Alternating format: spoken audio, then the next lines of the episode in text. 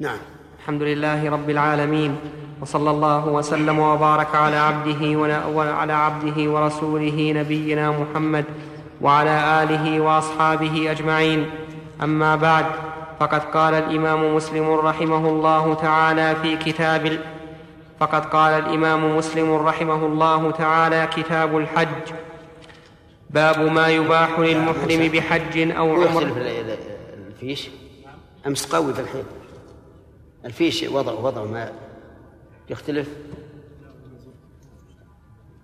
يمكن حطيت واحد من مكان واحد. لا ما جاء ما جاء أحد يقول بالي نعم. باب ما يباح للمحرم بحج أو عمرة وما لا يباح وبيان تحريم الطي الطيب عليه. حدثنا يحيى بن بسم الله الرحمن الرحيم. قال المؤلف قال المؤلف الذي كتب تراجم صحيح مسلم رحمه الله كتاب الحج. الحج هو أحد أركان الإسلام الخمسة وآخر ما فرض منها ولم يفرض إلا في السنة التاسعة أو العاشرة لأن مكة قبل ذلك كانت تحت ولاية الكفار. وإذا كان الكفار منعوا النبي صلى الله عليه وسلم من أداء العمرة فكيف يمكن أن يحج والسلطة فيها للكفار. فكان من حكمة الله عز وجل تأخير فرض الحج إلى السنة التاسعة أو العاشرة. فإن قلنا إنه فرض في العاشرة فلا إشكال. وإن قلنا إنه فرض في التاسعة يبقى هناك إشكال على قول من يقول إن الحج واجب على الفور إذا تمت الشروط. لأن النبي صلى الله عليه وعلى آله وسلم لم يحج إلى في السنة العاشرة. والجواب عن هذا سهل. يقال إن النبي صلى الله عليه وعلى آله وسلم في السنة التاسعة كان مشتغلا بتلقي الوفود. الذين يفدون إلى المدينة من جهات متعددة يستقبلهم صلوات الله وسلامه عليه ويعلمهم دينه فكان اشتغاله بهذا أولى من المبادرة بالحج ثانيا أن أن السنة التاسعة لم تتمحض للمسلمين. يعني أنه قد حج فيها من المشركين من حج فأراد الله عز وجل أو أراد النبي صلى الله عليه وسلم بإرادة الله أن يؤخر الحج إلى السنة العاشرة حين يتم إعلان أن لا يحج بعد العام مشرك ولا يطوف بالبيت عريان.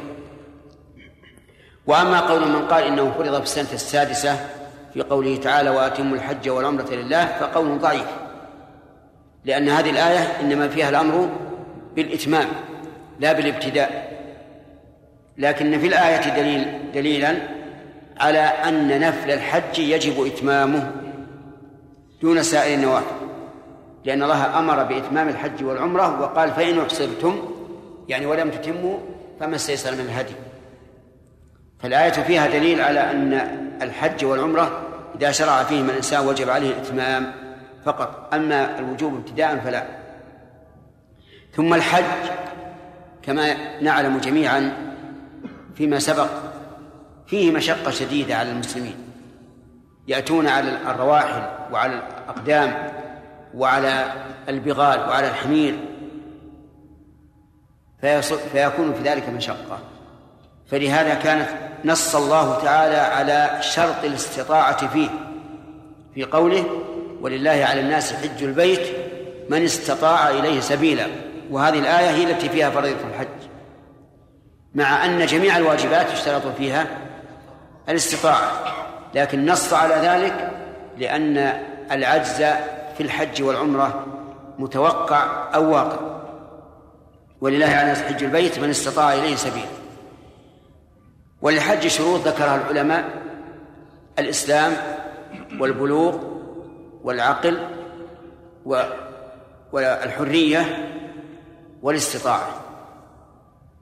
خمسة شروط أما الإسلام فشرط للوجوب والصحة والإجزاء. فلا يجب على كافر ولو حج لم يصح منه ولم يجزئه. وأما البلوغ فشرط للوجوب والإجزاء دون الصحة. لقول النبي صلى الله عليه وسلم حين رفعت إليه المرأة هذا حج وهو صبي قال نعم ولك أجر. وأما العقل فشرط للوجوب والإجزاء والصحة. فلا يجب على مجنون ولو كان عنده أموال كثيرة ولا يصح منه لو حج ولا يجزئه أيضا فصار الإسلام والعقل شرطان شرطين لإيش؟ لأمور ثلاثة الوجوب والإجزاء نعم والصحة والإجزاء أما البلوغ فشرط لإيش؟ للوجوب والإجزاء وأما الحرية فهي شرط للوجوب والإجزاء دون الصحة. فالرقيق يصح منه الحج لكن لا يجب عليه ولا يجزئه عن حجة الإسلام. وذلك لأنه مملوك ليس له مال فهو مملوك منفعته لسيده ولا يستطيع أن يستقل بها. وهو أيضا لا يملك فهو عاجز من من الجهتين. ولكن لو أذن له سيده أن يحج وأعطاه ما يتمكن من الحج به فهل يجب عليه أو لا؟ إن قلنا إن شرط إن الرق مانع فإنه يجب عليه الحج. إذا قلنا إن الرق مانع من الوجوب فإنه يجب عليه الحج. إذا توفرت الشروط وأعطاه وأذن له سيده وأعطاه المال. وذلك لأن الرق مانع لعدم القدرة والآن زالت فيجب عليه أن يحج. وإن قلنا إنه وصف لا يصح الحج بدونه وهو الحرية فإنه وإن أعطي وملك وأذن له سيده لا يصح منه. وفي هذا حديث ابن عباس أن نعم. لا لا يجب عليه. نعم. لا يجب عليه ويصح منه. وفي حديث ابن عباس أن من حج وهو رقيق ثم أعتق فإنه فعليه حجة أخرى لكن في هذا الحديث ضعف. بقي عندنا الاستطاعة وهي الشرط الخامس. الاستطاعة نوعان. استطاعة بالمال واستطاعة بالبدن. فأما الاستطاعة بالمال فهي شرط للوجوب أداء ونيابة. استطاعة بالمال شرط للوجوب. أداء وإنابة. بمعنى أن من ليس عنده مال لا يجب عليه الحج. لا بنفسه ولا بنائبه. إلا إذا كان قريبا أو في مكة فإنه يجب عليه الحج ببدنه وذلك لقدرته البدنية على أداء الحج. وأما العجز البدني فإنه ينقسم إلى قسمين. عجز لا يرجى زواله كالكبر وعجز يرجى زواله. فأما العجز الذي لا يرجى زواله فإنه يجب على العاجز الذي عنده مال أن ينيب من يحج عنه. لأن النبي صلى الله عليه وسلم سألته امرأة قالت يا رسول الله إن أبي أدركته فريضة الله على عباده بالحج شيخا لا يثبت على الراحلة أفأحج أحج عنه قال نعم. فأقرها النبي صلى الله عليه وسلم على قولها فريضة الله. إذن فيجب عليه أن ينيب من يحج عنه. إذا كان عجزه لا يرجى زواله. أما إذا كان يرجى زواله فإننا نقول له انتظر حتى يزول العجز ثم أد الحج بنفسك. فإن قيل أرأيتم لو أنه قام من يحج عنه لكونه لا يرجو زوال عجزه ثم من الله عليه بزوال العجز؟ فهل يلزمه أن يعيد؟ الجواب لا. لماذا؟ لأن ذمته برئت حيث أتى بالأمر على ما شرع. وكل إنسان يأتي بالأمر على ما شرع فإنه لا لا يلزم الإعادة لا يلزم بالإعادة. أرأيتم لو أن إنسان تيمم في الوقت وصلى ثم بعد صلاته وجد الماء فهل تلزمه الإعادة؟ الجواب لا تلزمه لأنه صلى على حسب ما أمر به والقاعدة أن كل من أدى العبادة على الوجه الذي أمر به فإنه لا يلزم بالإعادة لأننا لو ألزمناه بالإعادة لأوجبنا عليه العبادة مرتين وهذا لا يوجد في الشريعة. المؤلف رحمه الله بدأ أول ما بدأ فيما يباح للمحرم بحج أو عمرة وما لا يباح وبيان تحريم الطيب عليه. قال المحرم بحج أو عمرة. وذلك لأن السؤال الذي ورد عن النبي صلى الله عليه وعلى آله وسلم ما يلبس المحرم؟ لم يقل ما يلبس الحاج ولا ما يلبس المعتمر. ثم إن العمرة سماها النبي صلى الله عليه وعلى آله وسلم حجا أصغر كما في حديث عامر بن حزم المشهور الذي تلقته الأمة بالقبول فإن النبي صلى الله عليه وسلم سمى العمرة حجا أصغر آه، قرأ قرأ الحديث؟ نعم. حدثنا يحيى بن يحيى قال قرأت على مالك عن نافع عن ابن عمر عن ابن عمر رضي الله عنهما أن رجلا سأل رسول الله صلى الله عليه وسلم ما يلبس المحرم من الثياب؟ فقال رسول الله صلى الله عليه وسلم لا تلبسوا القمص ولا العمائم ولا السراويلات ولا البرانس ولا الخفاف إلا أحد لا يجد النعلين فليلبس الخفين وليقطعهما اسفل من الكعبين ولا تلبسوا من الثياب شيئا مسه الزعفران ولا الورس. هذا السؤال الذي أورد عن النبي صلى الله عليه وعلى آله وسلم كان في المدينة قبل أن يرحل إلى إلى مكة. والظاهر والله أعلم أنه عليه الصلاة والسلام كان إبان خروجه إلى الحج كان يتحدث عن الحج وعن الإحرام بدليل حديث ابن عباس قال سمعت النبي صلى الله عليه وسلم يخطب يقول يقول لا يخلون رجل بامرأة إلا مع ذي محرم ولا تسافر امرأة إلا مع ذي محرم فقام رجل فقال يا رسول الله إني كتبت إن امرأتي خرجت حاجة وإني كتبت في غزوة كذا وكذا قال انطلق فحج مع امرأتك فالظاهر أن النبي عليه الصلاة والسلام كان يكثر الكلام عن الحج إبان خروج. لأنه يعلم أن الناس في هذه الحال يحتاجون إلى بيان الحكم. سئل ما يلبس المحرم وما نعربها على أنها اسم استفهام. عما يلبس أو عما لا يلبس. عما يلبس. عما يلبس. ما يلبس أي أي أي ثوب يلبس.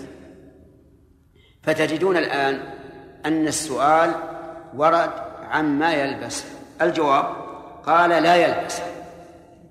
وكان المتوقع أن يقول يلبس كذا وكذا لكنه قال لا يلبس. ومن المعلوم إنه أن الإثبات والنفي متقابلان. فإذا نفي ما يلبس فالمعنى أن الباقي يلبس. وعدل النبي عليه الصلاة والسلام عن الجواب بالإثبات إلى الجواب بالنفي لأن ما لا يلبس أقل مما يلبس فيكون ما ما لا يلبس. يمكن حصره وما يلبس لا يمكن حصره. وهذا من حسن الإجابة أن يجاب السائل بغير ما يتوقع إذا كان الحال تقتضي ذلك مع أن الجواب وإن كان على خلاف ما يتوقع كان وافيا تماما. فلننظر لا يلبس القمص جمع قميص وهي هذه الثياب المعروفة التي يتقمصها الإنسان وهي ذات أكمام. ولا العمائم وهي لباس لباس الرؤوس وهي جمع إمامة. ولا السراويلات السراويلات جمع. ولا جمع جمع؟ جمع جمع. جمع الجمع. نعم. في خلاف. في جمع فقط. هي جمع فقط جمع فقط على اللغة الفصحى. لأن السراويل على اللغة الفصحى مفرد. قال ابن مالك رحمه الله ولسراويل بهذا الجمع شبه اقتضى عموم المنع. وعلى كل حال سواء كانت جمع سروال كما قيل به وهي لغة أو كانت جمع أو كانت مفرد. السراويل معروف. هو لباس الرجلين. وهو ذو الأكمام. ولا البرانس. البرانس جمع برنس وهو لباس معروف يقال إنه لباس يكون لباس الرأس فيه متصلا بلباس البدن. يعني قميص له آه، غطاء للرأس متصل به.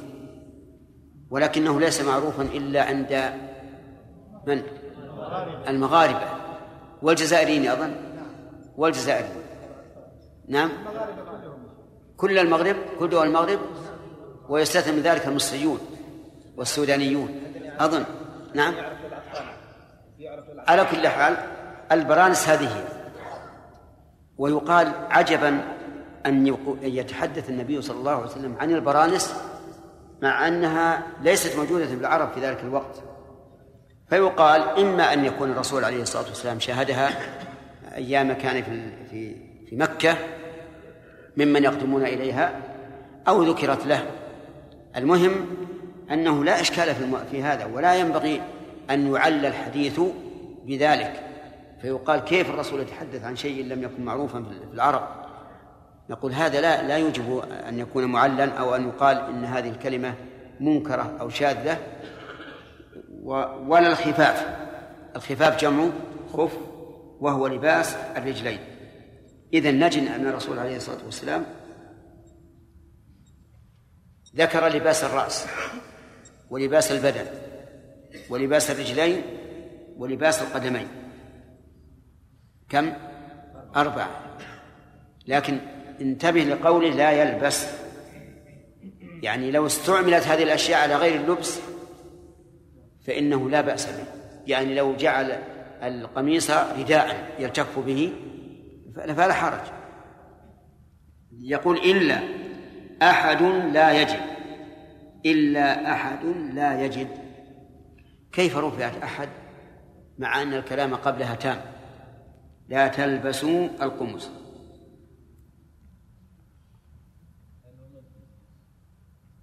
وإذا كان منفيا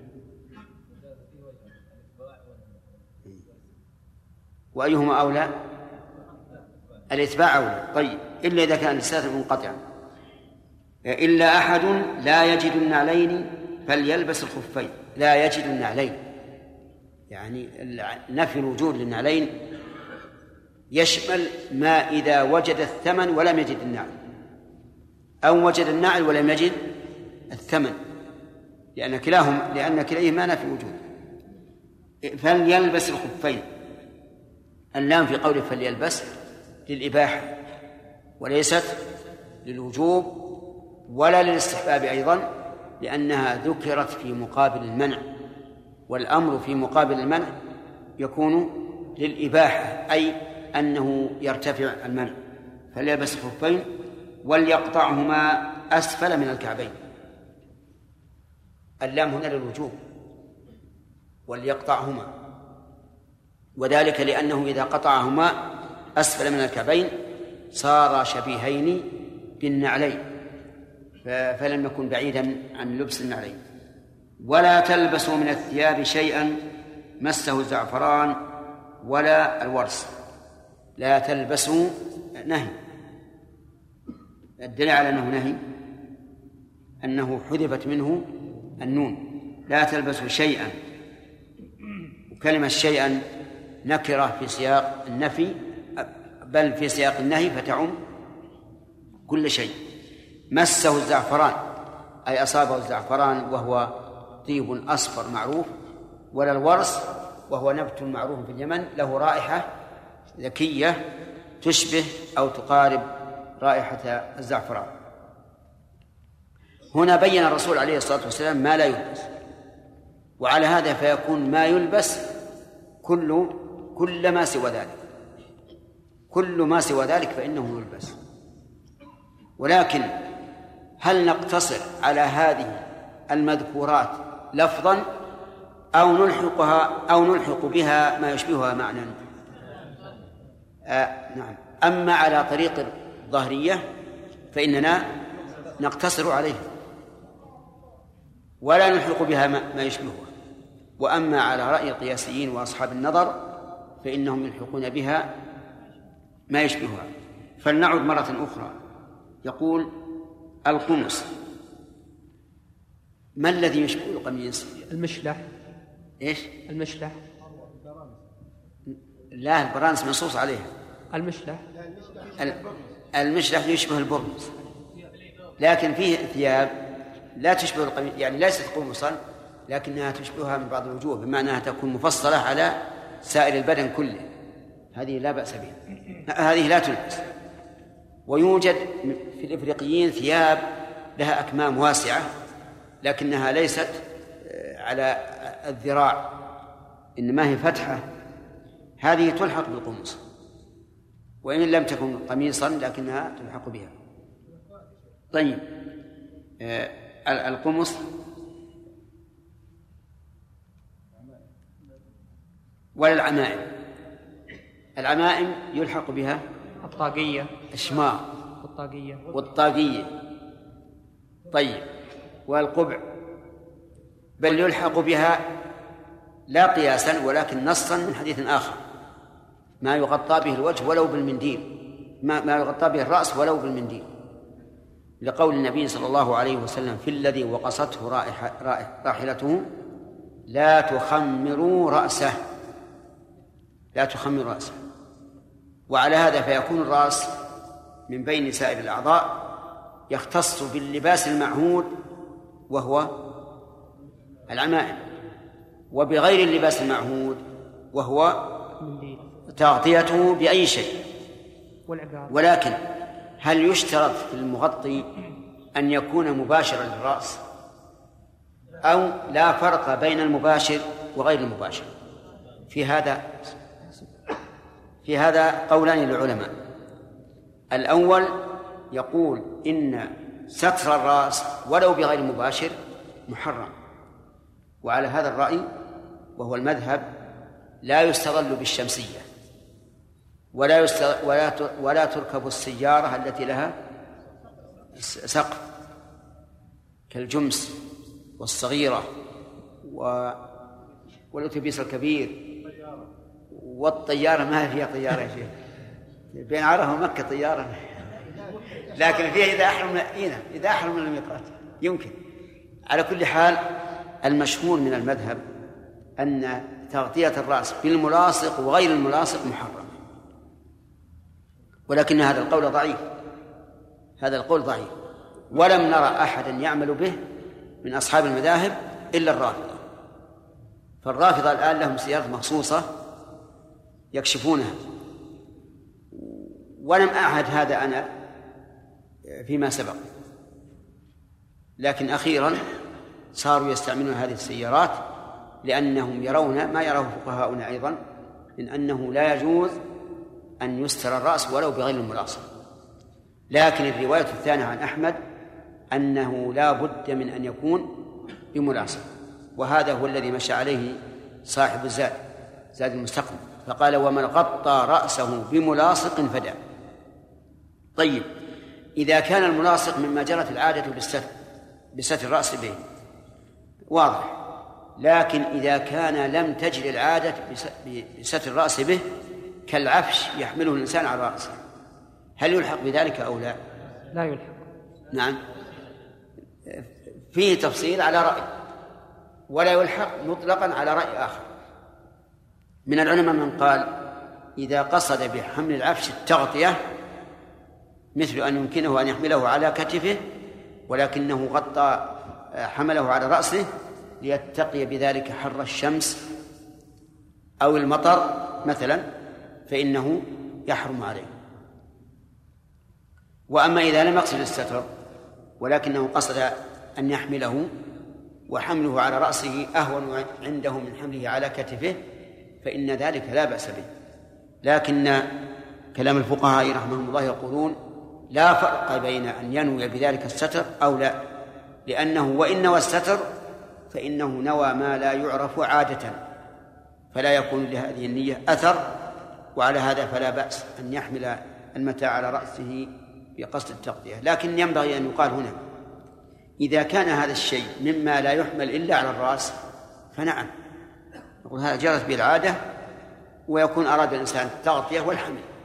أما إذا كان خفيفا يمكن أن يعلقه بيده مثلا ولكنه رأى أن يغطي رأسه فهذا لا يجوز لا يجوز وإن كان لم تجد العادة العادة به. طيب ولا السراويلات. السراويل لا لا تلبس. وظاهر الحديث أن لا فرق بين التبان وبين طويل الأكمام. التبان هو الذي له أكمام قصيرة ويسمى عندهم بال half. نعم؟ أي هذا هذا نعرف نعم. ما هو هذا يقول هكذا. نعم. لا سروال قصير. ها؟ ما يقولون half. لا أنا أسمع أنه يسمى الهاف. المهم لا نختلف علشان يسمى. المهم السروال قصير الأكمام. ظاهر الحديث أنه يدخل في النهي وأنه لا يلبس. الإزار يلحق به؟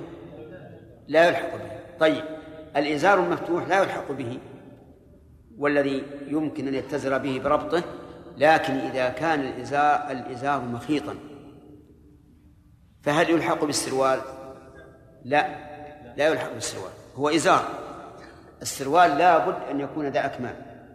فلو أن الإنسان خاط الإزار خياطة وجعله تكة من فوق وربطه فإن ذلك ليس سروال هو إزار بكل حال. طيب. ولا البرانس.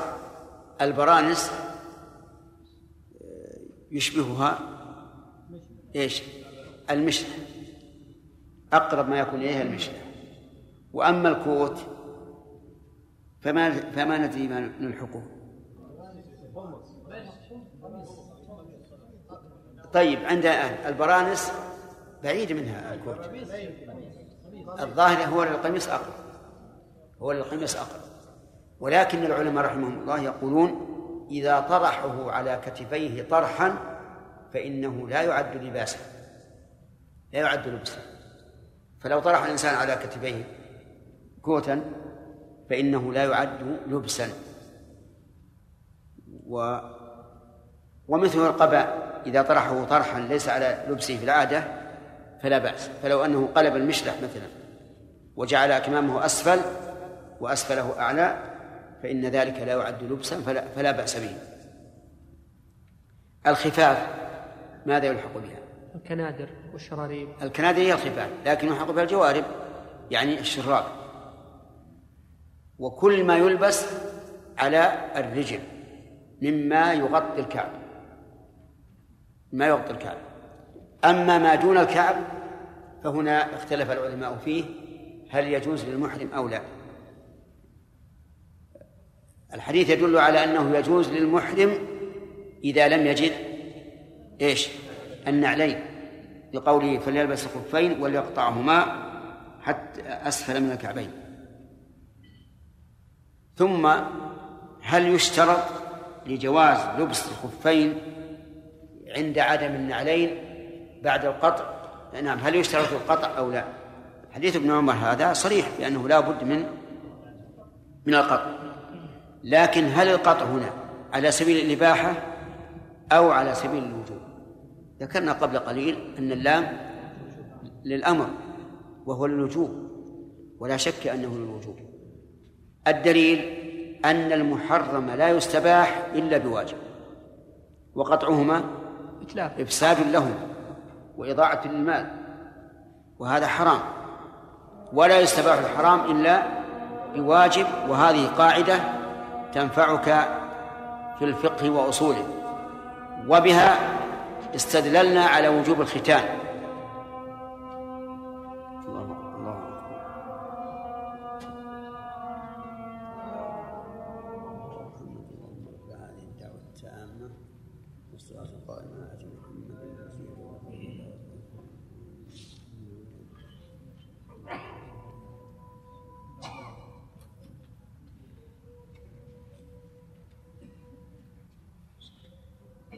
بهذه القاعدة وهي أن المحرم لا يستباح إلا بواجب استدللنا على وجوب الختان. لأن الختان قطع جلد من الإنسان وهو محرم ولا يستباح المحرم إلا بواجب. المهم أن هذا الحديث أعني حديث ابن عمر يدل على وجوب قطع الخفين إذا احتاج الإنسان إلى لبسهما حتى يكون أسفل من الكعبين. فهل هذا الحكم باقي؟ أو هو منسوخ؟ اختلف العلماء في هذه المسألة. فمن العلماء من قال فمن العلماء من قال إن هذا الشرط أعني قطعهما منسوخ. واستدل لذلك بحديث ابن عباس رضي الله عنهما. أنه سمع النبي صلى الله عليه وسلم يخطب في عرفات في المحرم يقول لا يلبس الخفين إلا أن لا يجد النعلين من يقول من لم يجد النعلين فليلبس الخفين ومن لم يجد الإزار فليلبس السراويل. ولم يذكر القطع. من العلماء من قال حديث ابن حديث ابن عباس مطلق. وحديث ابن عمر مقيد. والقاعدة الشرعية أن المطلق يحمل على المقيد ويكون ما سكت عنه الرسول عليه الصلاة والسلام من الأمر بالقطع في حديث ابن عباس معلوما من من قبل من حديث ابن عمر رضي الله عنه. وإلى هذا ذهب الموفق رحمه الله صاحب المغني. والقول الثاني أن حديث ابن عباس رضي الله عنهما ناسخ لحديث ابن عمر. وهذا أفقه. هذا القول أفقه من الأول. لأن النبي صلى الله عليه وسلم خطب الناس في عرفة. والذين في عرفة أكثر بكثير من الذين سمعوه في المدينة. ولو كان قطع واجبا لبينه الرسول عليه الصلاة والسلام لأن المسلمين الذين سمعوه في عرفة سوف يتلقون الحكم على أنه إيش؟ غير على أنه غير مقيد بالقطع. فيكون عموم حديث ابن عباس ناسخا لقيد أو إطلاق حديث ابن عباس ناسخا لقيد حديث ابن عمر. وهذا ما ذهب إليه شيخ الإسلام ابن تيمية رحمه الله وهو أفقه. من حيث ما ذكرنا وهو إيش؟ الجمع الكثير الذين سمعوا حديث ابن عباس دون حديث ابن عمر. ومن فوائد الحديث إيه نعم تحريم لبس ما مسه الزعفران. لا تلبسوا شيئا مسه الزعفران. وظاهر الحديث أنه لا يلبس سواء كان ذلك قبل الإحرام أو بعده. وبناء على ذلك لو طيب إحرامه قبل أن يعقد النية فإنه لا يلبسه حتى يغسله. لقوله لا تلبسوا شيئا من الثياب ولا تلبسوا من الثياب شيئا مسه الزعفران. ويكون هنا القول بتحريم تطييب الإحرام ثوب الإحرام أصح من القول بكراهته. لأن العلماء أو لأن الحكم في هذه المسألة تطيب البدن عند الإحرام سنة. تطيب ثياب الإحرام مكروه على المشهور من المذهب وقيل إنه محرم والصواب أنه محرم. لعموم قوله لا تلبسوا من الثياب شيئا مسه الزعفران ولا الورس. طيب إذا غسلناه هل لا بد أن يزول أن تزول الرائحة واللون؟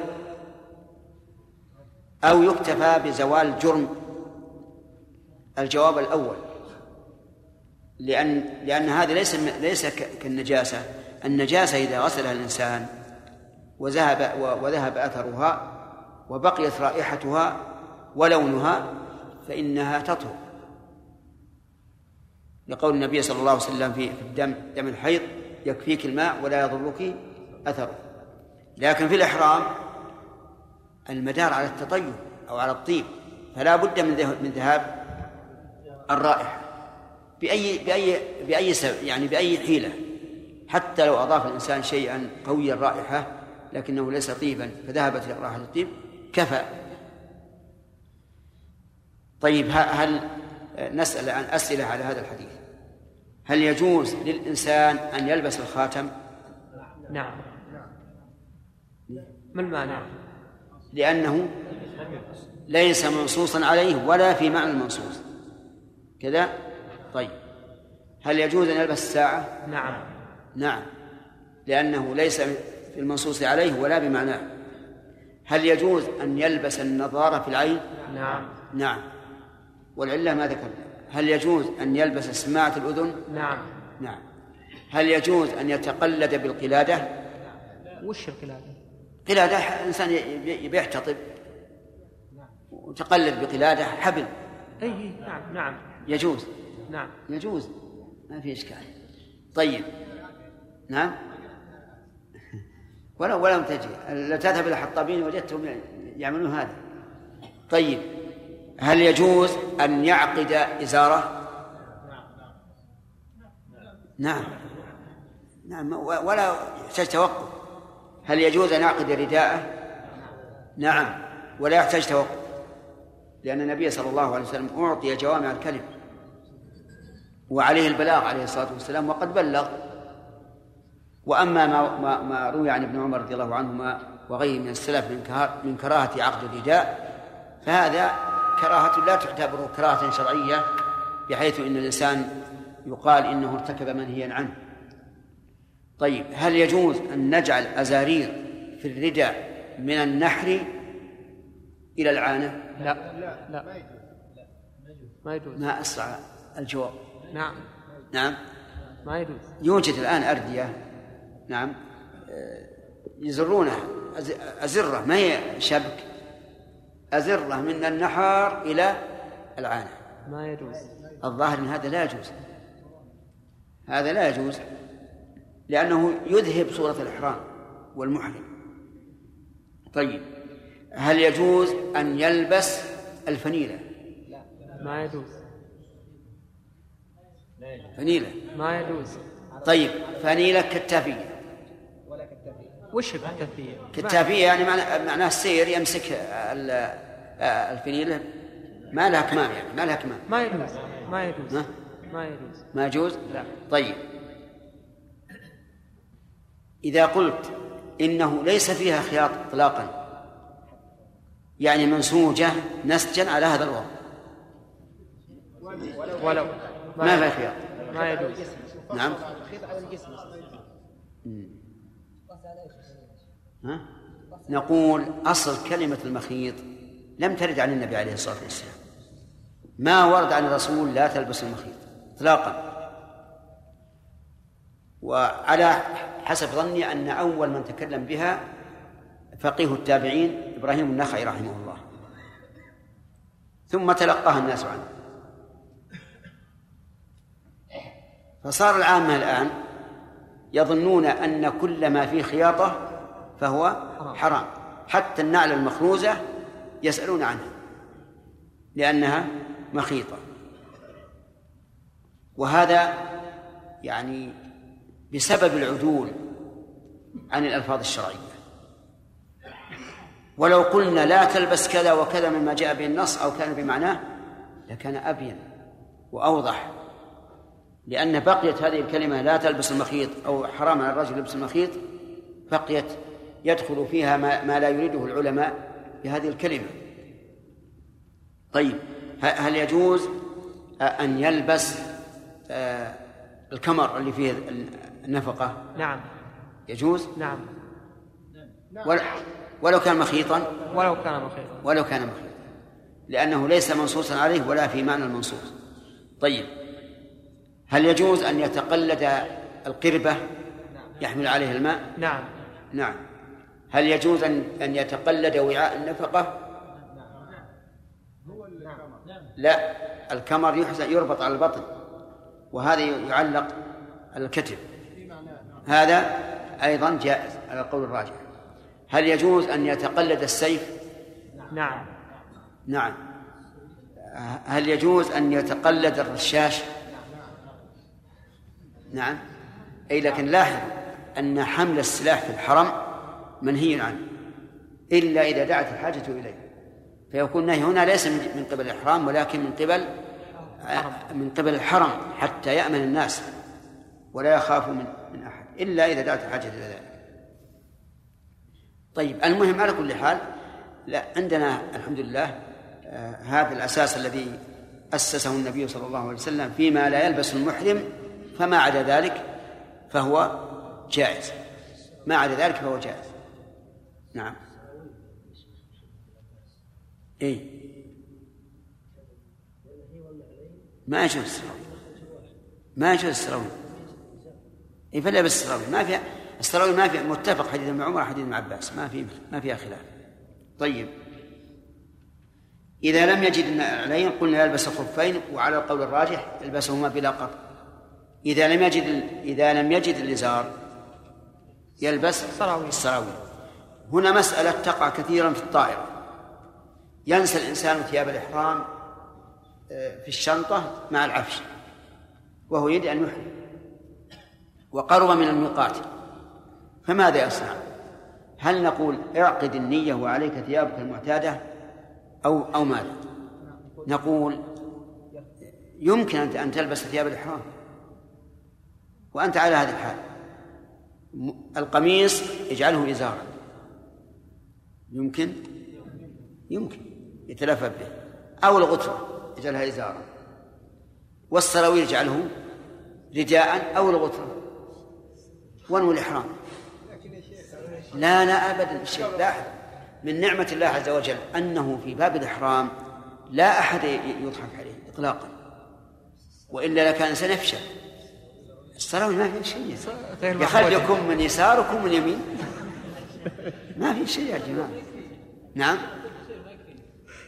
لا لا يكفي. الغالب إنه عرضه يستر ما بين السره والركبة. ما أحد يا شيخ يتحمل هذا. على كل حال هذا الواجب. هذا الواجب. لكن لو فرض إنه إنسان ليس معه إلا قميص فقط. ليس معه سراويل ولا معه غتره ولا شيء. نعم.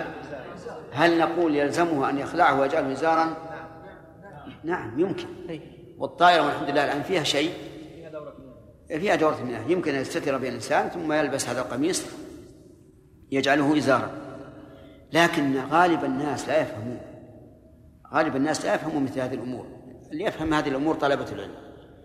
فتجده إما أن يؤخر الإحرام حتى ينزل ويخرج الإزار والرداء من الشنطة وإما أن يحرم على ما هو عليه. أما الأول فيكون قد ترك واجبا الذي أخر الإحرام حتى نزل وقدر على الإزار والرداء فيكون ترك واجبا وترك الواجب عند الفقهاء فيه فيه دم. وإذا كان جاهلا يسقط عنه الإثم لكن لا يسقط عنه البدل الذي هو الدم.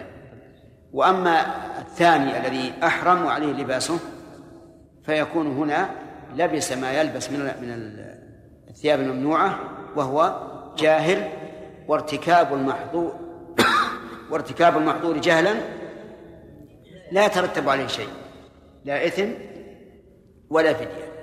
فأيهما أيهما أسهل وأحسن؟ الثاني الذي يحرم وعليه ثيابه؟ نعم هذا هو الأحسن. ولهذا ينبغي لطالب طلبة العلم بل يجب عليهم في حال الحاجة إلى إلى بيان هذه الأمور أن يبينوا للناس هذا الأمر. لأن أكثر من يسألنا إذا إذا نسي إحرامه في ثياب الإحرام في الشنطة في داخل الطائرة أكثر من يسألون يقول إنه لم يحرم إلا في جدة. لكن لو كان معه طالب علم نبهه.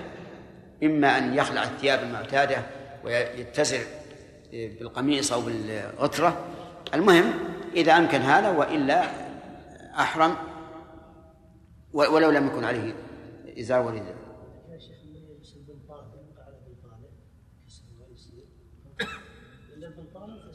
أي نعم.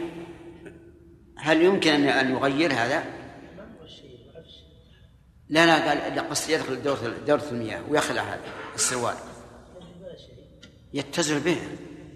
البنطال اللي نفهم من البنطال منفصل أعلاه عن عن عن أسفله. ولا لا؟ الأعلى منفصل ولا لا؟ الأعلى منفصل. طيب يجعله إزارا. يجعل الأعلى إزارا ويخلع زي لا إله إلا الله. ها؟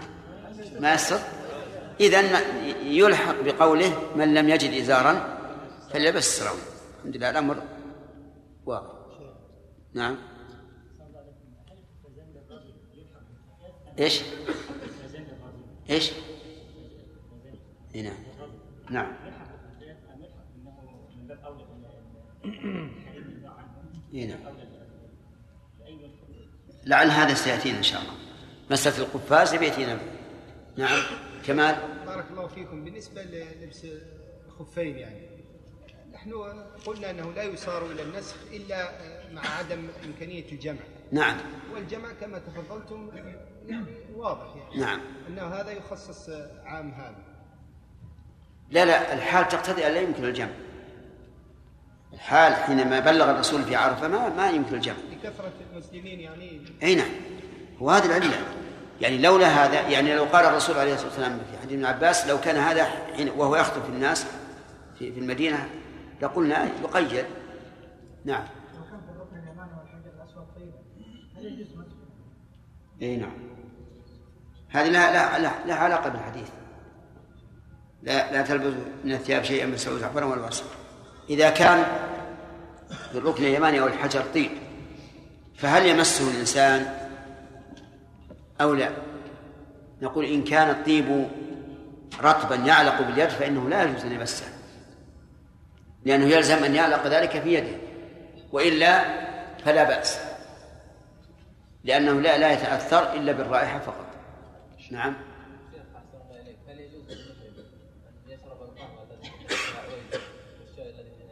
نعم. أي نعم. يقول هل يجوز أن يش... للمحرم أن يل... أن يشرب القهوة التي فيها العويدي؟ تعرفون العويدي؟ زعفران زعفران. أي هذا يقول مسمار نعوذ بالله من المسامير. والصواب من هذا كله القرنفل. نعم يجوز. لأن هذا آه، رائحة ذكية وليست رائحة طيب. وأما اللي فيها النعناع فلا بأس أيضا أن هذا من باب الرائحة الذكية لا الطيب. نعم. شيخ حسن الله إليك. آه، طيب أسئلة محدودة ولا إيش؟ هذا شيخ درسين؟ درسين الآن حنا. درسين. أربع شيخ. نعم. أقول أحسن الله إليك. بالنسبة للسراويل إذا قدرنا مثلا أن هذا الراكب الذي لابس بنطال عليه ثلاث سراويل. نعم. فهل نقول تتقي الله ما استطعت ولا تبقي عليك إلا سروالا واحدا أو نقول طالما أنك لن تخلع هذا السروال فدع الباقي. لا هذا إذا كان عليه ثلاث سراويل لا يلزمه أن يخلع الباقي لأن الصورة هي هي. نعم. لو كان الرداء الذي عليه شفاف نعم. لا لا لا بد أن يلبس ما يستر عورته. يعني لو كان ليس عنده رداء إلا رداء شفاف فليلبس السراويل. نعم. ان الإزار يجوز أن يخاط ويجعل له تكة. إيش؟ ذكرتم ان الإزار لا بأس أن يخاط ويجعل له تكة. نعم نعم. ثم قلتم أنه لا يجوز أن يجعل له أزارير. الرداء. الر- الرداء. هي الرداء. نعم. بعض الناس شيخ يلبس شمسية صغيرة مثبتة على الرأس. وين اللي اللي يسأل؟ لا في واحد مش الله. نعم. لو لبس البشت ولم يديه الأكمام اي فالظاهر أنه لا, لا بأس لكن حسب كلام شيخ الإسلام وغيره من العلماء أنه إذا طرح القباء على كتفيه فليس لابسا له. لكن في عرفنا الآن هل يعتبر لابسا؟ نعم. إيه؟ فالظاهر أنه يعتبر لابس يعني عندنا لا يفرقون بين الذي يدخل يديه في كمي العبات أو لا. شيخ البرنس ما له يد أكمام. نعم. البرنس ما له شيخ. ما له أكمام؟ نعم. لا له أكمام. لا ما له شيخ. سبحان الله. نعم. له فتحات بس ولا له فتحة له فتحة من أمام فقط ويجعل هكذا ولا هو الذي يغطي الرأس. طيب كيف يطلع يديه؟ اللي بغى يأكل ولا يشرب هو ولا مفتوح من أمام كله يا شيخ. ما ما يقفل إلا من هنا. عجيب سبحان الله. نعم. يا شيخ في شمسيات ظهرت العام الماضي مثبتة على الرأس وهي صغيرة مثبتة على الرأس وهي صغيرة. نعم نعم. لكنها لا تمس. لا لا تمس. طيب والأعمدة التي المثبتة فيها هذه الشمسية على الكتف ولا على الرأس؟ على على الرأس. الظاهر في هذا تكون ملاصقة ولا لا؟ أي نعم. هي متصلة. متصلة أي نعم. لا هذه تركها أحسن لا شك. نعم. إلى خالد. إذا استلم الح- يعني الحجر الأسود المطيب هل يذهب ويغتسل ويحرم؟ علق بيده نعم. طيب. هل يكمل الطواف أو يذهب ويغتسل؟ يغتسل؟ يغسل يديه. هذا سهل الظاهر يمكن يمسح آه، آه، كسوة الكعبة به. وإذا لم يستطع؟ إذا لم يستطع لابد من إزالته بأي بأي مزيل وهل ينقطع الطواف أو إذا رجع يبني أو يستأنف؟ إذا رجع إن كان عن قرب كمل. وإن طالت المدة لابد من ابتدائه نعم. إن كان الجو شديد البرودة نعم. فهل يرخص له في الكوت أم ينتظر حتى الحج القائم؟ سهل يا أخي ما هي مشكلة. ما, ما هو لازم يلبسه يتلفلف به طيب يعني يتلفلف إن قيل طيب انتظر الحج القادم. إيش؟ انتظر الحج القادم. ليش ينتظر؟ حتى يدفع الجو هو محرم الآن. لا نعم. هو محرم لا الآن. لا نعرف في الأخبار. ها؟ نعرف أن الجو سيكون يعني. بإذن الله لا في شيء ثاني. بدل ما يأخذ الرداء الخفيف هذا يأخذ رداء ثقيل صوف. من- ما في الحاف حق ال- الفراش يأخذ أبيض. بطانية. بيضاء نعم. بطانية بيضاء طب وإن وقع فعلا نعم. يعني وإن وقع ولم يكفيه يلبس الكوت كيف؟ إن وقع فعلا ولم يكفيه يلبس ما أظن هذا لأن الحمد لله من نعمة الله أن مكة حارة. ما يصل البرد إلى هذا الحد. إذا انتقل شيخ الطيب طيب بدنه فانتقل الطيب بدل إلى ثياب الإحرام. نعم. هل يجب عليه أن؟ إذا انتقل الطيب من إلى ثياب الإحرام يجب أن يغسله يجب وجوبا ما في إشكال. لكن لو انتقل الطيب إلى البدن لا إلى إلى اللباس. هل يجب عليه أن يغسل ما نزل؟ الجواب إن نزل الطيب بنفسه لم يجب بالاتفاق. لكن لو أن لو انتقل الطيب من محله إلى محل آخر. لكن بسبب شرعي. كإنسان يتوضأ ومسح رأسه بيديه ورأسه كله طيب فعلق الطيب بيديه. فهل نقول يلزمك الآن أن تغسل يديك؟ أو أو لا بأس أن تستمر؟ الظاهر الثاني لأن النبي صلى الله عليه وسلم كان يرى وبيص المسك في رأسه وهو محرم وكان يغتسل وهو محرم ووصف المسور بن مخرمة آه، اغتساله بأنه يخلل شعر رأسه بيديه ولا بد أن يلصق به الطيب. وهذا لم يتعمد الطيب ابتداء غاية ما هنالك؟ أنه انتقل الطيب من مكان إلى مكان وقد أذن له في ذلك. أما لو تعمد بأن أخذ بأصبعه من رأسه ووضعه على محل آخر فهذا لا يجوز. نعم. صار ما بعد الآن أسئلة الظاهر. السترة الواقية من الرصاص. إيش؟ السترة الواقية من الرصاص. تلبس تحت الرداء ما. نسأل الله أن يبعد هذا يا شيخ. يا شيخ أفتي فيها ما أدري عنها لكن إن شاء الله ما ما ما في خوف إلى هذا الحد يعني. لأن المحرم يمكن- يطلق عليه الرصاص. لكن لو فرض ما في مانع. أقول لو لو فرض فلا مانع من ذلك. لأنه إذا كانت وقاية الرجل من الحصى والشوك تبيح أن يلبس الإنسان ما كان ممنوعا هذا من باب أولى. نعم. الصابون المعطر إيه. الصابون المعطر الظاهر أنه ليس فيه عطر بس فيه نكهة رائحة يختلف يا شيخ. إن اختلف فلكل حكم.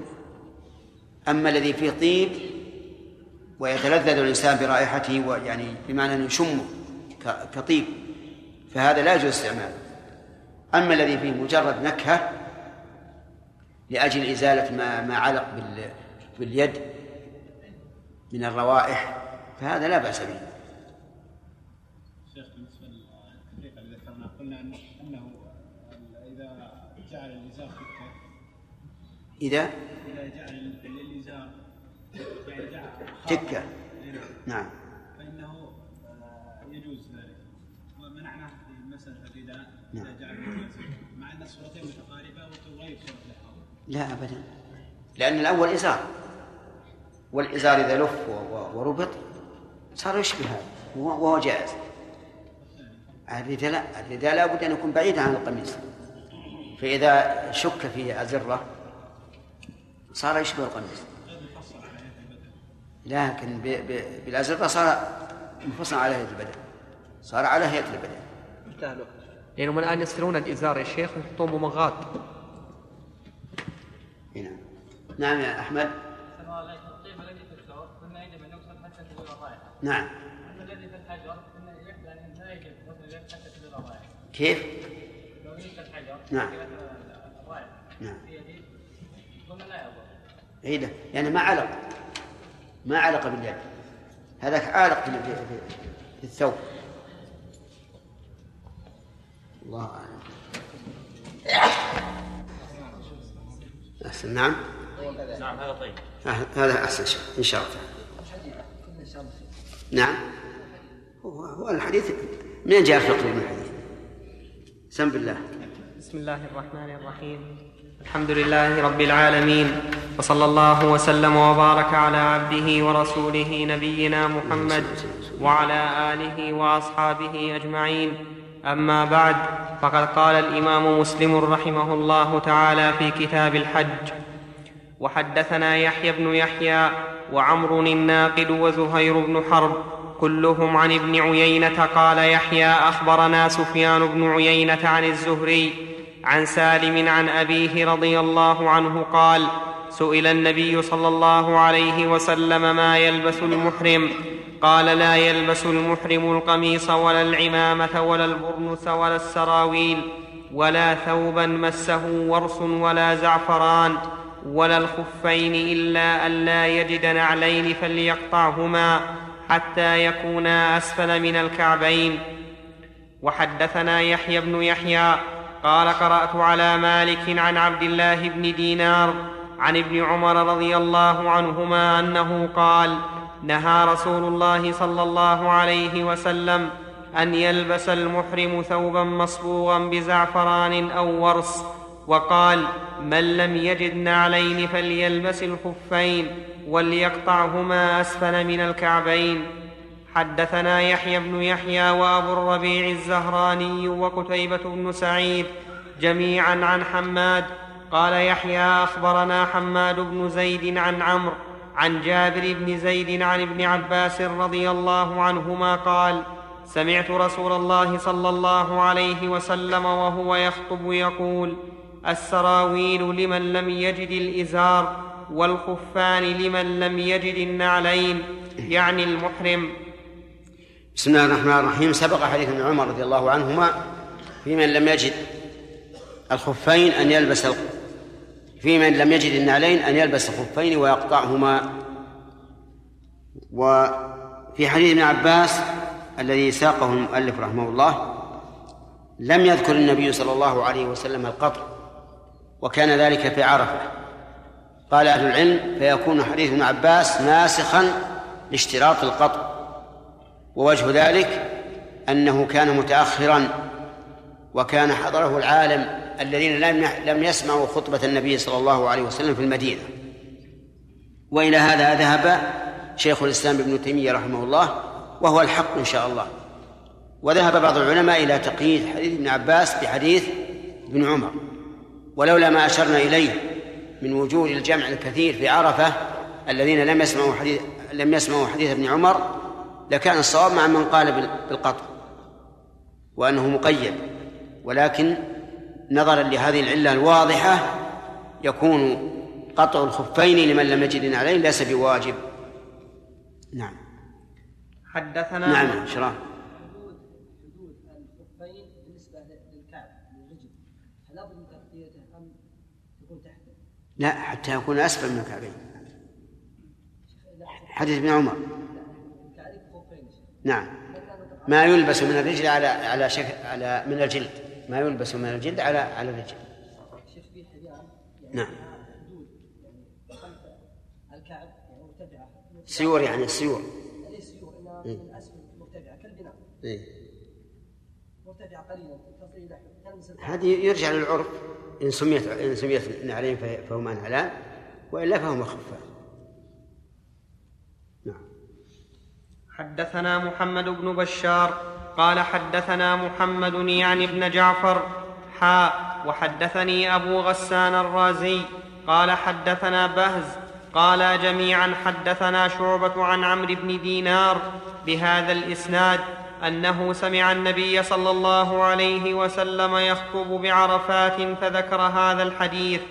وحدثنا أبو بكر بن أبي شيبة قال حدثنا سفيان بن عيينة وحدثنا يحيى بن يحيى قال أخبرنا هشيم حاء وحدثنا أبو كريب قال حدثنا وكيع عن سفيان حاء وحدثنا علي بن خشرم قال أخبرنا عيسى بن يونس عن ابن جريج حاء وحدثني علي بن وحدثني علي بن حجر قال حدثنا إسماعيل عن أيوب كل هؤلاء عن عمرو بن دينار بهذا الإسناد ولم يذكر أحد منهم يخطب بعرفات غير شعبة وحده. وحدثنا أحمد وهذا لا يضر لأن شعبة إمام حافظ متقن فلا يضر تفرده. ثم إن تفرده بذلك لا لا ينافي ما ذكره غيره فلا يحكم عليه بالشذوذ. وحدثنا أحمد بن عبد الله بن يونس قال حدثنا زهير قال حدثنا أبو الزبير عن جابر رضي الله عنه قال قال رسول الله صلى الله عليه وسلم من لم يجد نعلين فليلبس خفين ومن لم يجد إزارا فليلبس سراويل. حدثنا شيبان بن فروخ قال حدثنا همام قال حدثنا عطاء بن أبي رباح عن صفوان بن يعلى بن أمية عن أبيه رضي الله عنه قال جاء رجل إلى النبي صلى الله عليه وسلم وهو بالجعرانة عليه جبة وعليها خلوق أو قال أثر صفرة فقال كيف تأمرني أن أصنع في عمرتي؟ قال وأنزل على النبي صلى الله عليه وسلم الوحي فستر بثوب وكان يعلى يقول وددت أني أرى النبي صلى الله وجدت بالكسر نعم. وكان يعلى يقول وددت أني أرى النبي صلى الله عليه وسلم وقد نزل عليه الوحي. قال فقال أيسرك أن تنظر إلى النبي صلى الله عليه وسلم وقد أنزل عليه الوحي؟ قال فرفع عمر طرف الثوب فنظرت إليه له غطيط قال واحسبه قال كغطيط البكر. قال فلما سري عنه. البكر البكر الفتح نعم. قال واحسبه قال كغطيط البكر. قال فل- فلما سري عنه قال أين السائل عن العمرة؟ اغسل عنك أثر الصفرة أو قال أثر الخلوق واخلع عنك جبتك واصنع في عمرتك ما أنت صانع في حجك. في هذا الحديث دليل على أن الإنسان إذا كان عليه طيب فإنه يجب عليه إزالته لكن هذا مقيد بما إذا لم يكن تطيب لإحرامه. فإن تطيب لإحرامه فإنه لا يلزمه غسله لأنه ثبت عن النبي صلى الله عليه وسلم من حديث عائشة قالت كنت أنظر إلى وبيص المسك في مفارق رسول الله صلى الله عليه وسلم وهو محرم. والوبيص بمعنى البريق. لكن هذا يحمل على ما إذا كان آه، بعد بع- بعد الإحرام. وأما أمره بنزع الجبة فلأنها من اللباس كالقميص ونحوه. ففيه أيضا دليل على أن الإنسان ما دام على إحرامه يجب عليه أن يتجرد من نحو هذه الألبسة. ويشبه هذا من من لبس في العمرة قبل أن يقصر أو يحلق. إما نسيانا أو جهلا. فإذا جاء يسأل يقول إنه طاف وسعى ولبس قلنا له يجب الآن فورا أن تخلع الثوب تخلع الثوب وتلبس الإزار والرداء ثم تحلق أو تقصر لأنك لم تحل من عمرتك بعد. وفي هذا دليل على أن الرسول عليه الصلاة والسلام إذا نزل عليه الوحي بلغ إلى هذه الحال وذلك لشدة ما ينزل عليه. كما قال الله تعالى إنا سنلقي عليك قولا ثقيلا. ونزل عليه الوحي ذات ليلة وهو على فخذ حذيفة رضي الله عنه. قال حذيفة حتى كاد يرد فخذي. لأنه يعاني شدة من نزول الوحي عليه الصلاة والسلام حتى إنه في اليوم الشاتي يتصبب جبينه عرقا.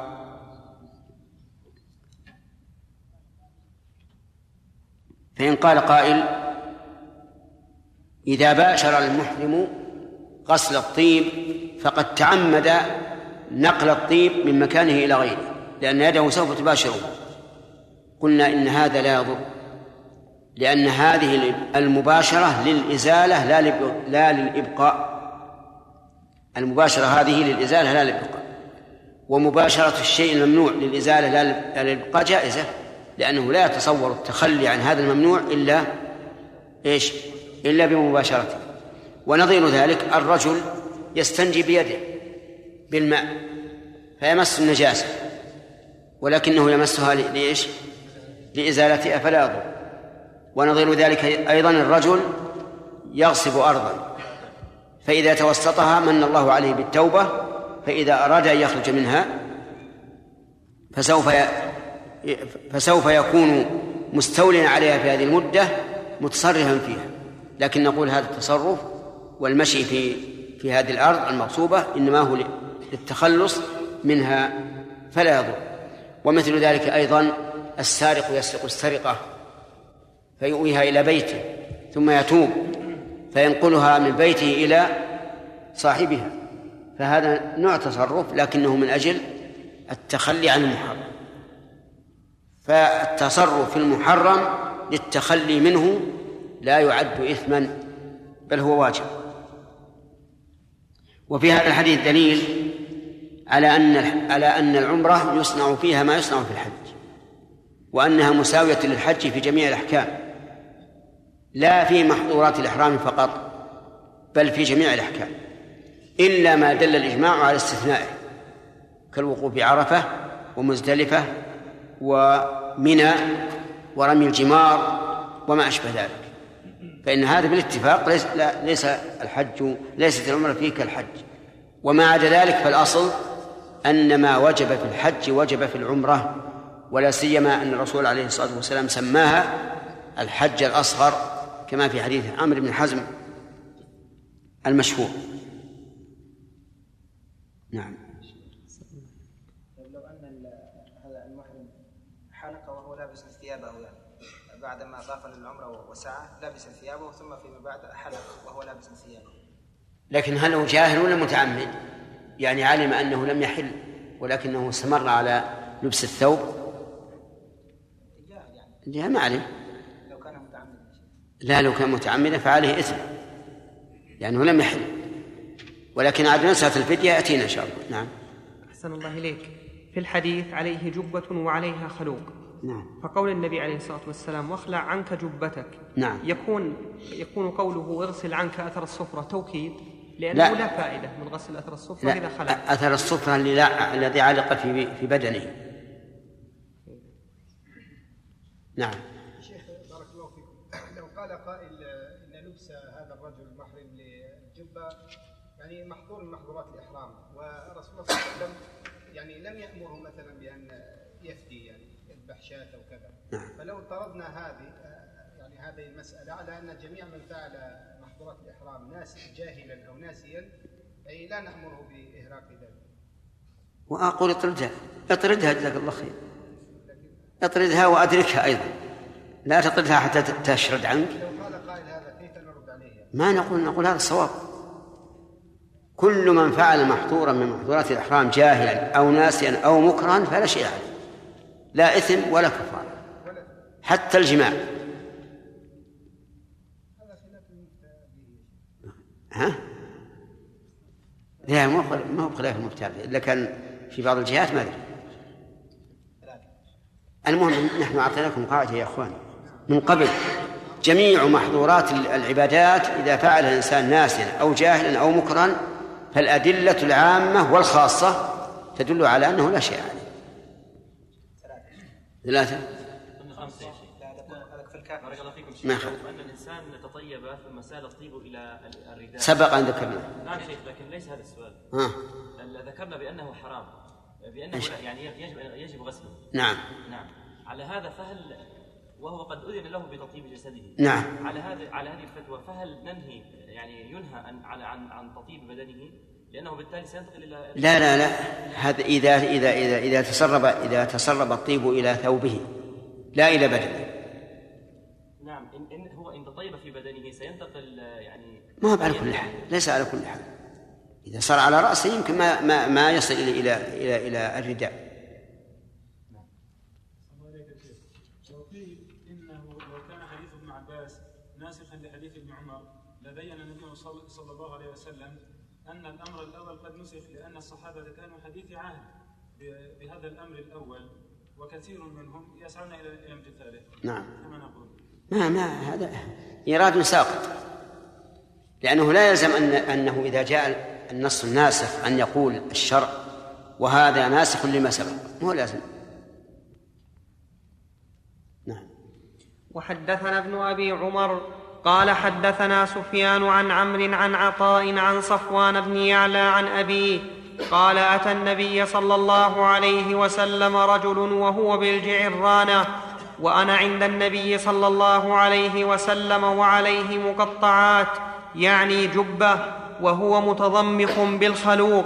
فقال إني أحرمت بالعمرة وعلي هذا وأنا متمضخ وأنا متمضخ بالخلوق.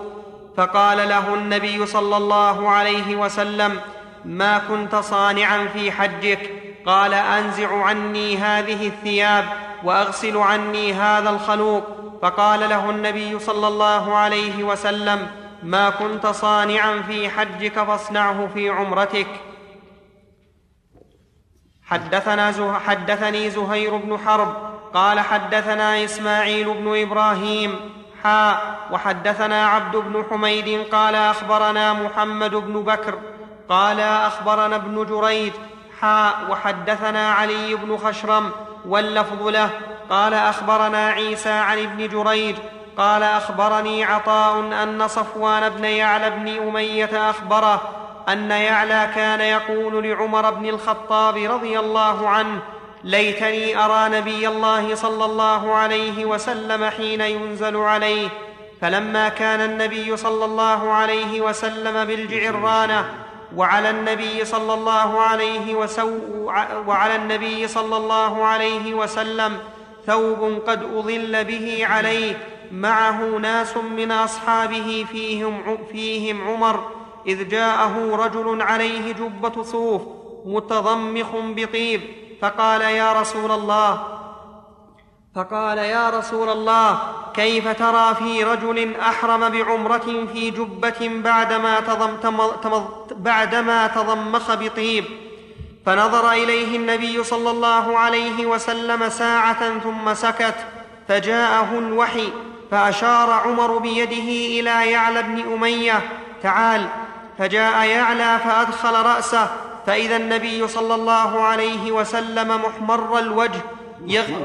محمر بالرفع فإذا النبي صلى الله عليه وسلم محمر الوجه يغط ساعة ثم سري عنه فقال أين الذي سألني عن العمرة آنفا؟ فالتمس الرجل فجيء به فقال النبي صلى الله عليه وسلم أما الطيب الذي بك فاغسله ثلاث مرات فانز... ف... وأما الجبة فانزعها ثم اصنع في عمرتك ما تصنع في حجك. وحد وحدثنا عقبة بن مكرم وحدثنا عقبة بن مكرم العمي ومحمد بن رافع واللفظ لابن رافع.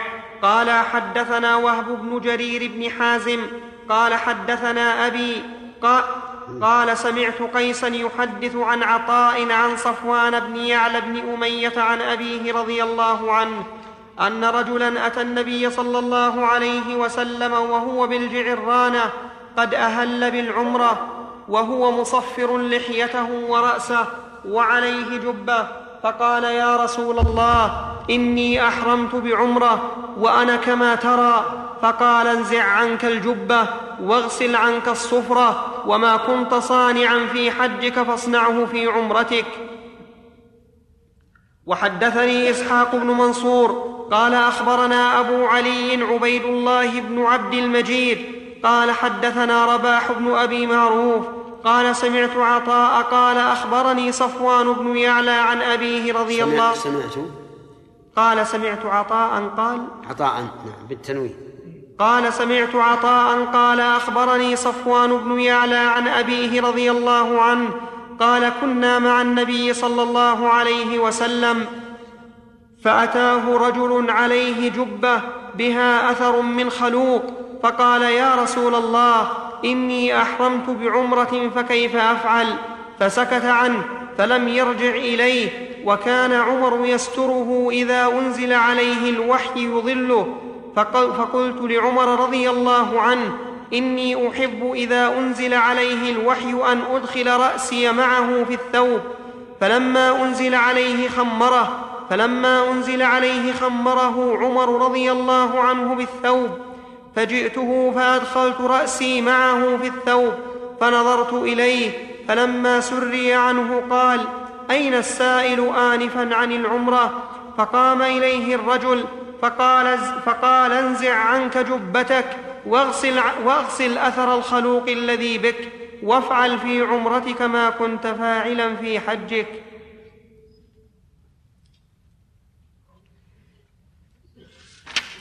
هذا الحديث كما ترون إما أن يحمل على أن هذا الرجل آه، تطيب بعد أن أحرم وإن كان هذا خلاف ظاهر سياق بعض الألفاظ وإما أن يقال إنه نسخ بفعل النبي صلى الله عليه وسلم حين كان متطيبا بالطيب ويرى وبيص المسك في مفارقه وهو محرم عليه الصلاة والسلام.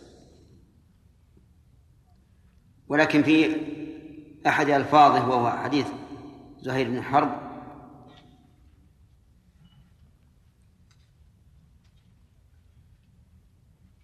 والذي قبله.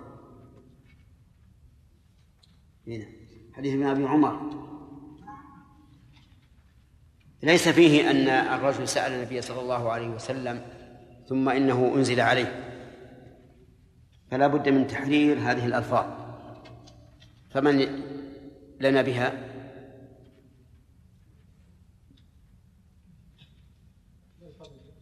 الألفاظ هل إن هل إن كون الرسول عليه الصلاة والسلام سكت حتى أنزل عليه وشاهده يعلم؟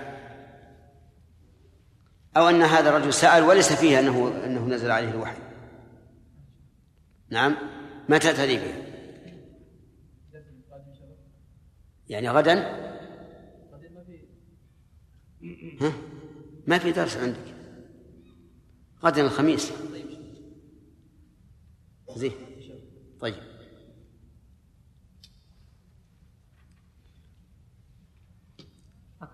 أقرأ نعم. باب مواقيت الحج والعمرة. حدثنا يحيى بن يحيى وخلف, وخلف بن هشام وأبو الربيع وقتيبة جميعا عن حماد قال يحيى أخبرنا حماد بن زيد عن عمرو بن دينار عن طاووس عن ابن عباس رضي الله عنهما قال وقت رسول الله صلى الله عليه وسلم لأهل المدينة ذا الحليفة ولأهل الشام الجحفة ولأهل نجد قرن المنازل ولأهل اليمن يلملم قال فهن لهن ولمن أتى عليهن من غير أهلهن ممن أراد الحج والعمرة فمن كان دونهن فمن أهله وكذا فكذلك حتى أهل مكة يهلون منها. هذا الحديث حديث ابن عباس رضي الله عنهما في بيان المواقيت المكانية. والحج له مواقيت زمانية ومواقيت مكانية. والعمرة ليس لها مواقيت زمانية ولكن لها مواقيت مكانية. ويتفقان في المواقيت المكانية. وقت النبي عليه الصلاة والسلام لأهل المدينة ذا الحليفة وهي مكان تكثر فيه شجرة تسمى الحلفاء وتصيرها حليفة. وهي تبعد عن مكة نحو ثلاث ثمان مراحل. وهي أبعد المواقيت عن مكة. والحكمة والله أعلم في كون أهل المدينة يحرمون منها من أجل أن أن يتقارب حرمات المسجدين المسجد النبوي والمسجد الأقصى لأنك من حين أن تخرج من حدود الحرم المدني حرام نعم المسجد الحرام والمسجد الحرام لأنك من حين أن تخرج من حدود المسجد حرم المدينة تدخل فيما يتعلق بحرم مكة. والله أعلم هل هذا هو الحكمة أو أو سواه ووقت لأهل الشام الجحفة. والجحفة قرية معروفة قريبة من رابغ وسميت جحفة لأن السيل اجتحفها مرة من السنين وكانت ميقات أهل المدينة أهل الشام. لكن أهل ارتحلوا عنها حين دعا النبي صلى الله عليه وسلم لما هاجر إلى المدينة أن ينقل الله حم المدينة إلى الجحفة فتركها الناس. ولأهل نجد قرن المنازل وهو اسم جبل مثل القرن مثل القرن ويسمى السيف وقت لأهل المد... أهل نجد. وكذلك لأهل الطائف لأنهم يمرون من, من عنده. ووقت لأهل اليمن يلملم وهو جبل أو واد أو مكان في طريق اليمن إلى مكة. ويسمى عند أهل اليمن السعدية. هذه مواقيت أربعة. وقتها النبي صلى الله عليه وسلم لهذه الجهات.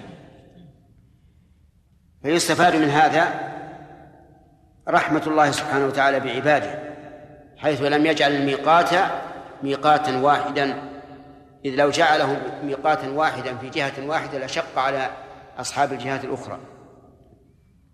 وفي أيضا من أجل أن يكون تعظيم البيت من جميع الجهات من أي مكان جئت إليه تشرع في تعظيمه. ووقتها لأهل الشام قبل أن تفتح الشام.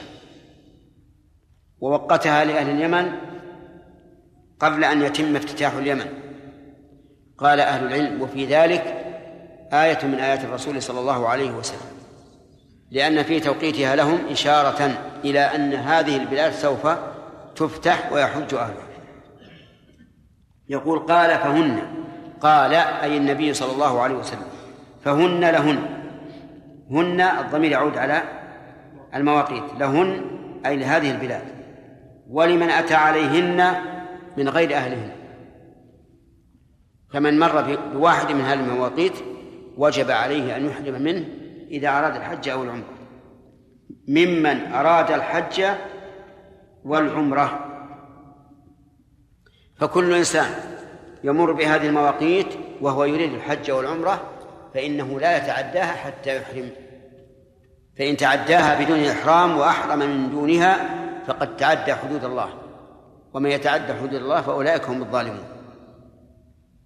وقولهن لهن ولمن أتى عليهن من غير أهلهن هل هذا من باب الرخصة أو من باب الإلزام؟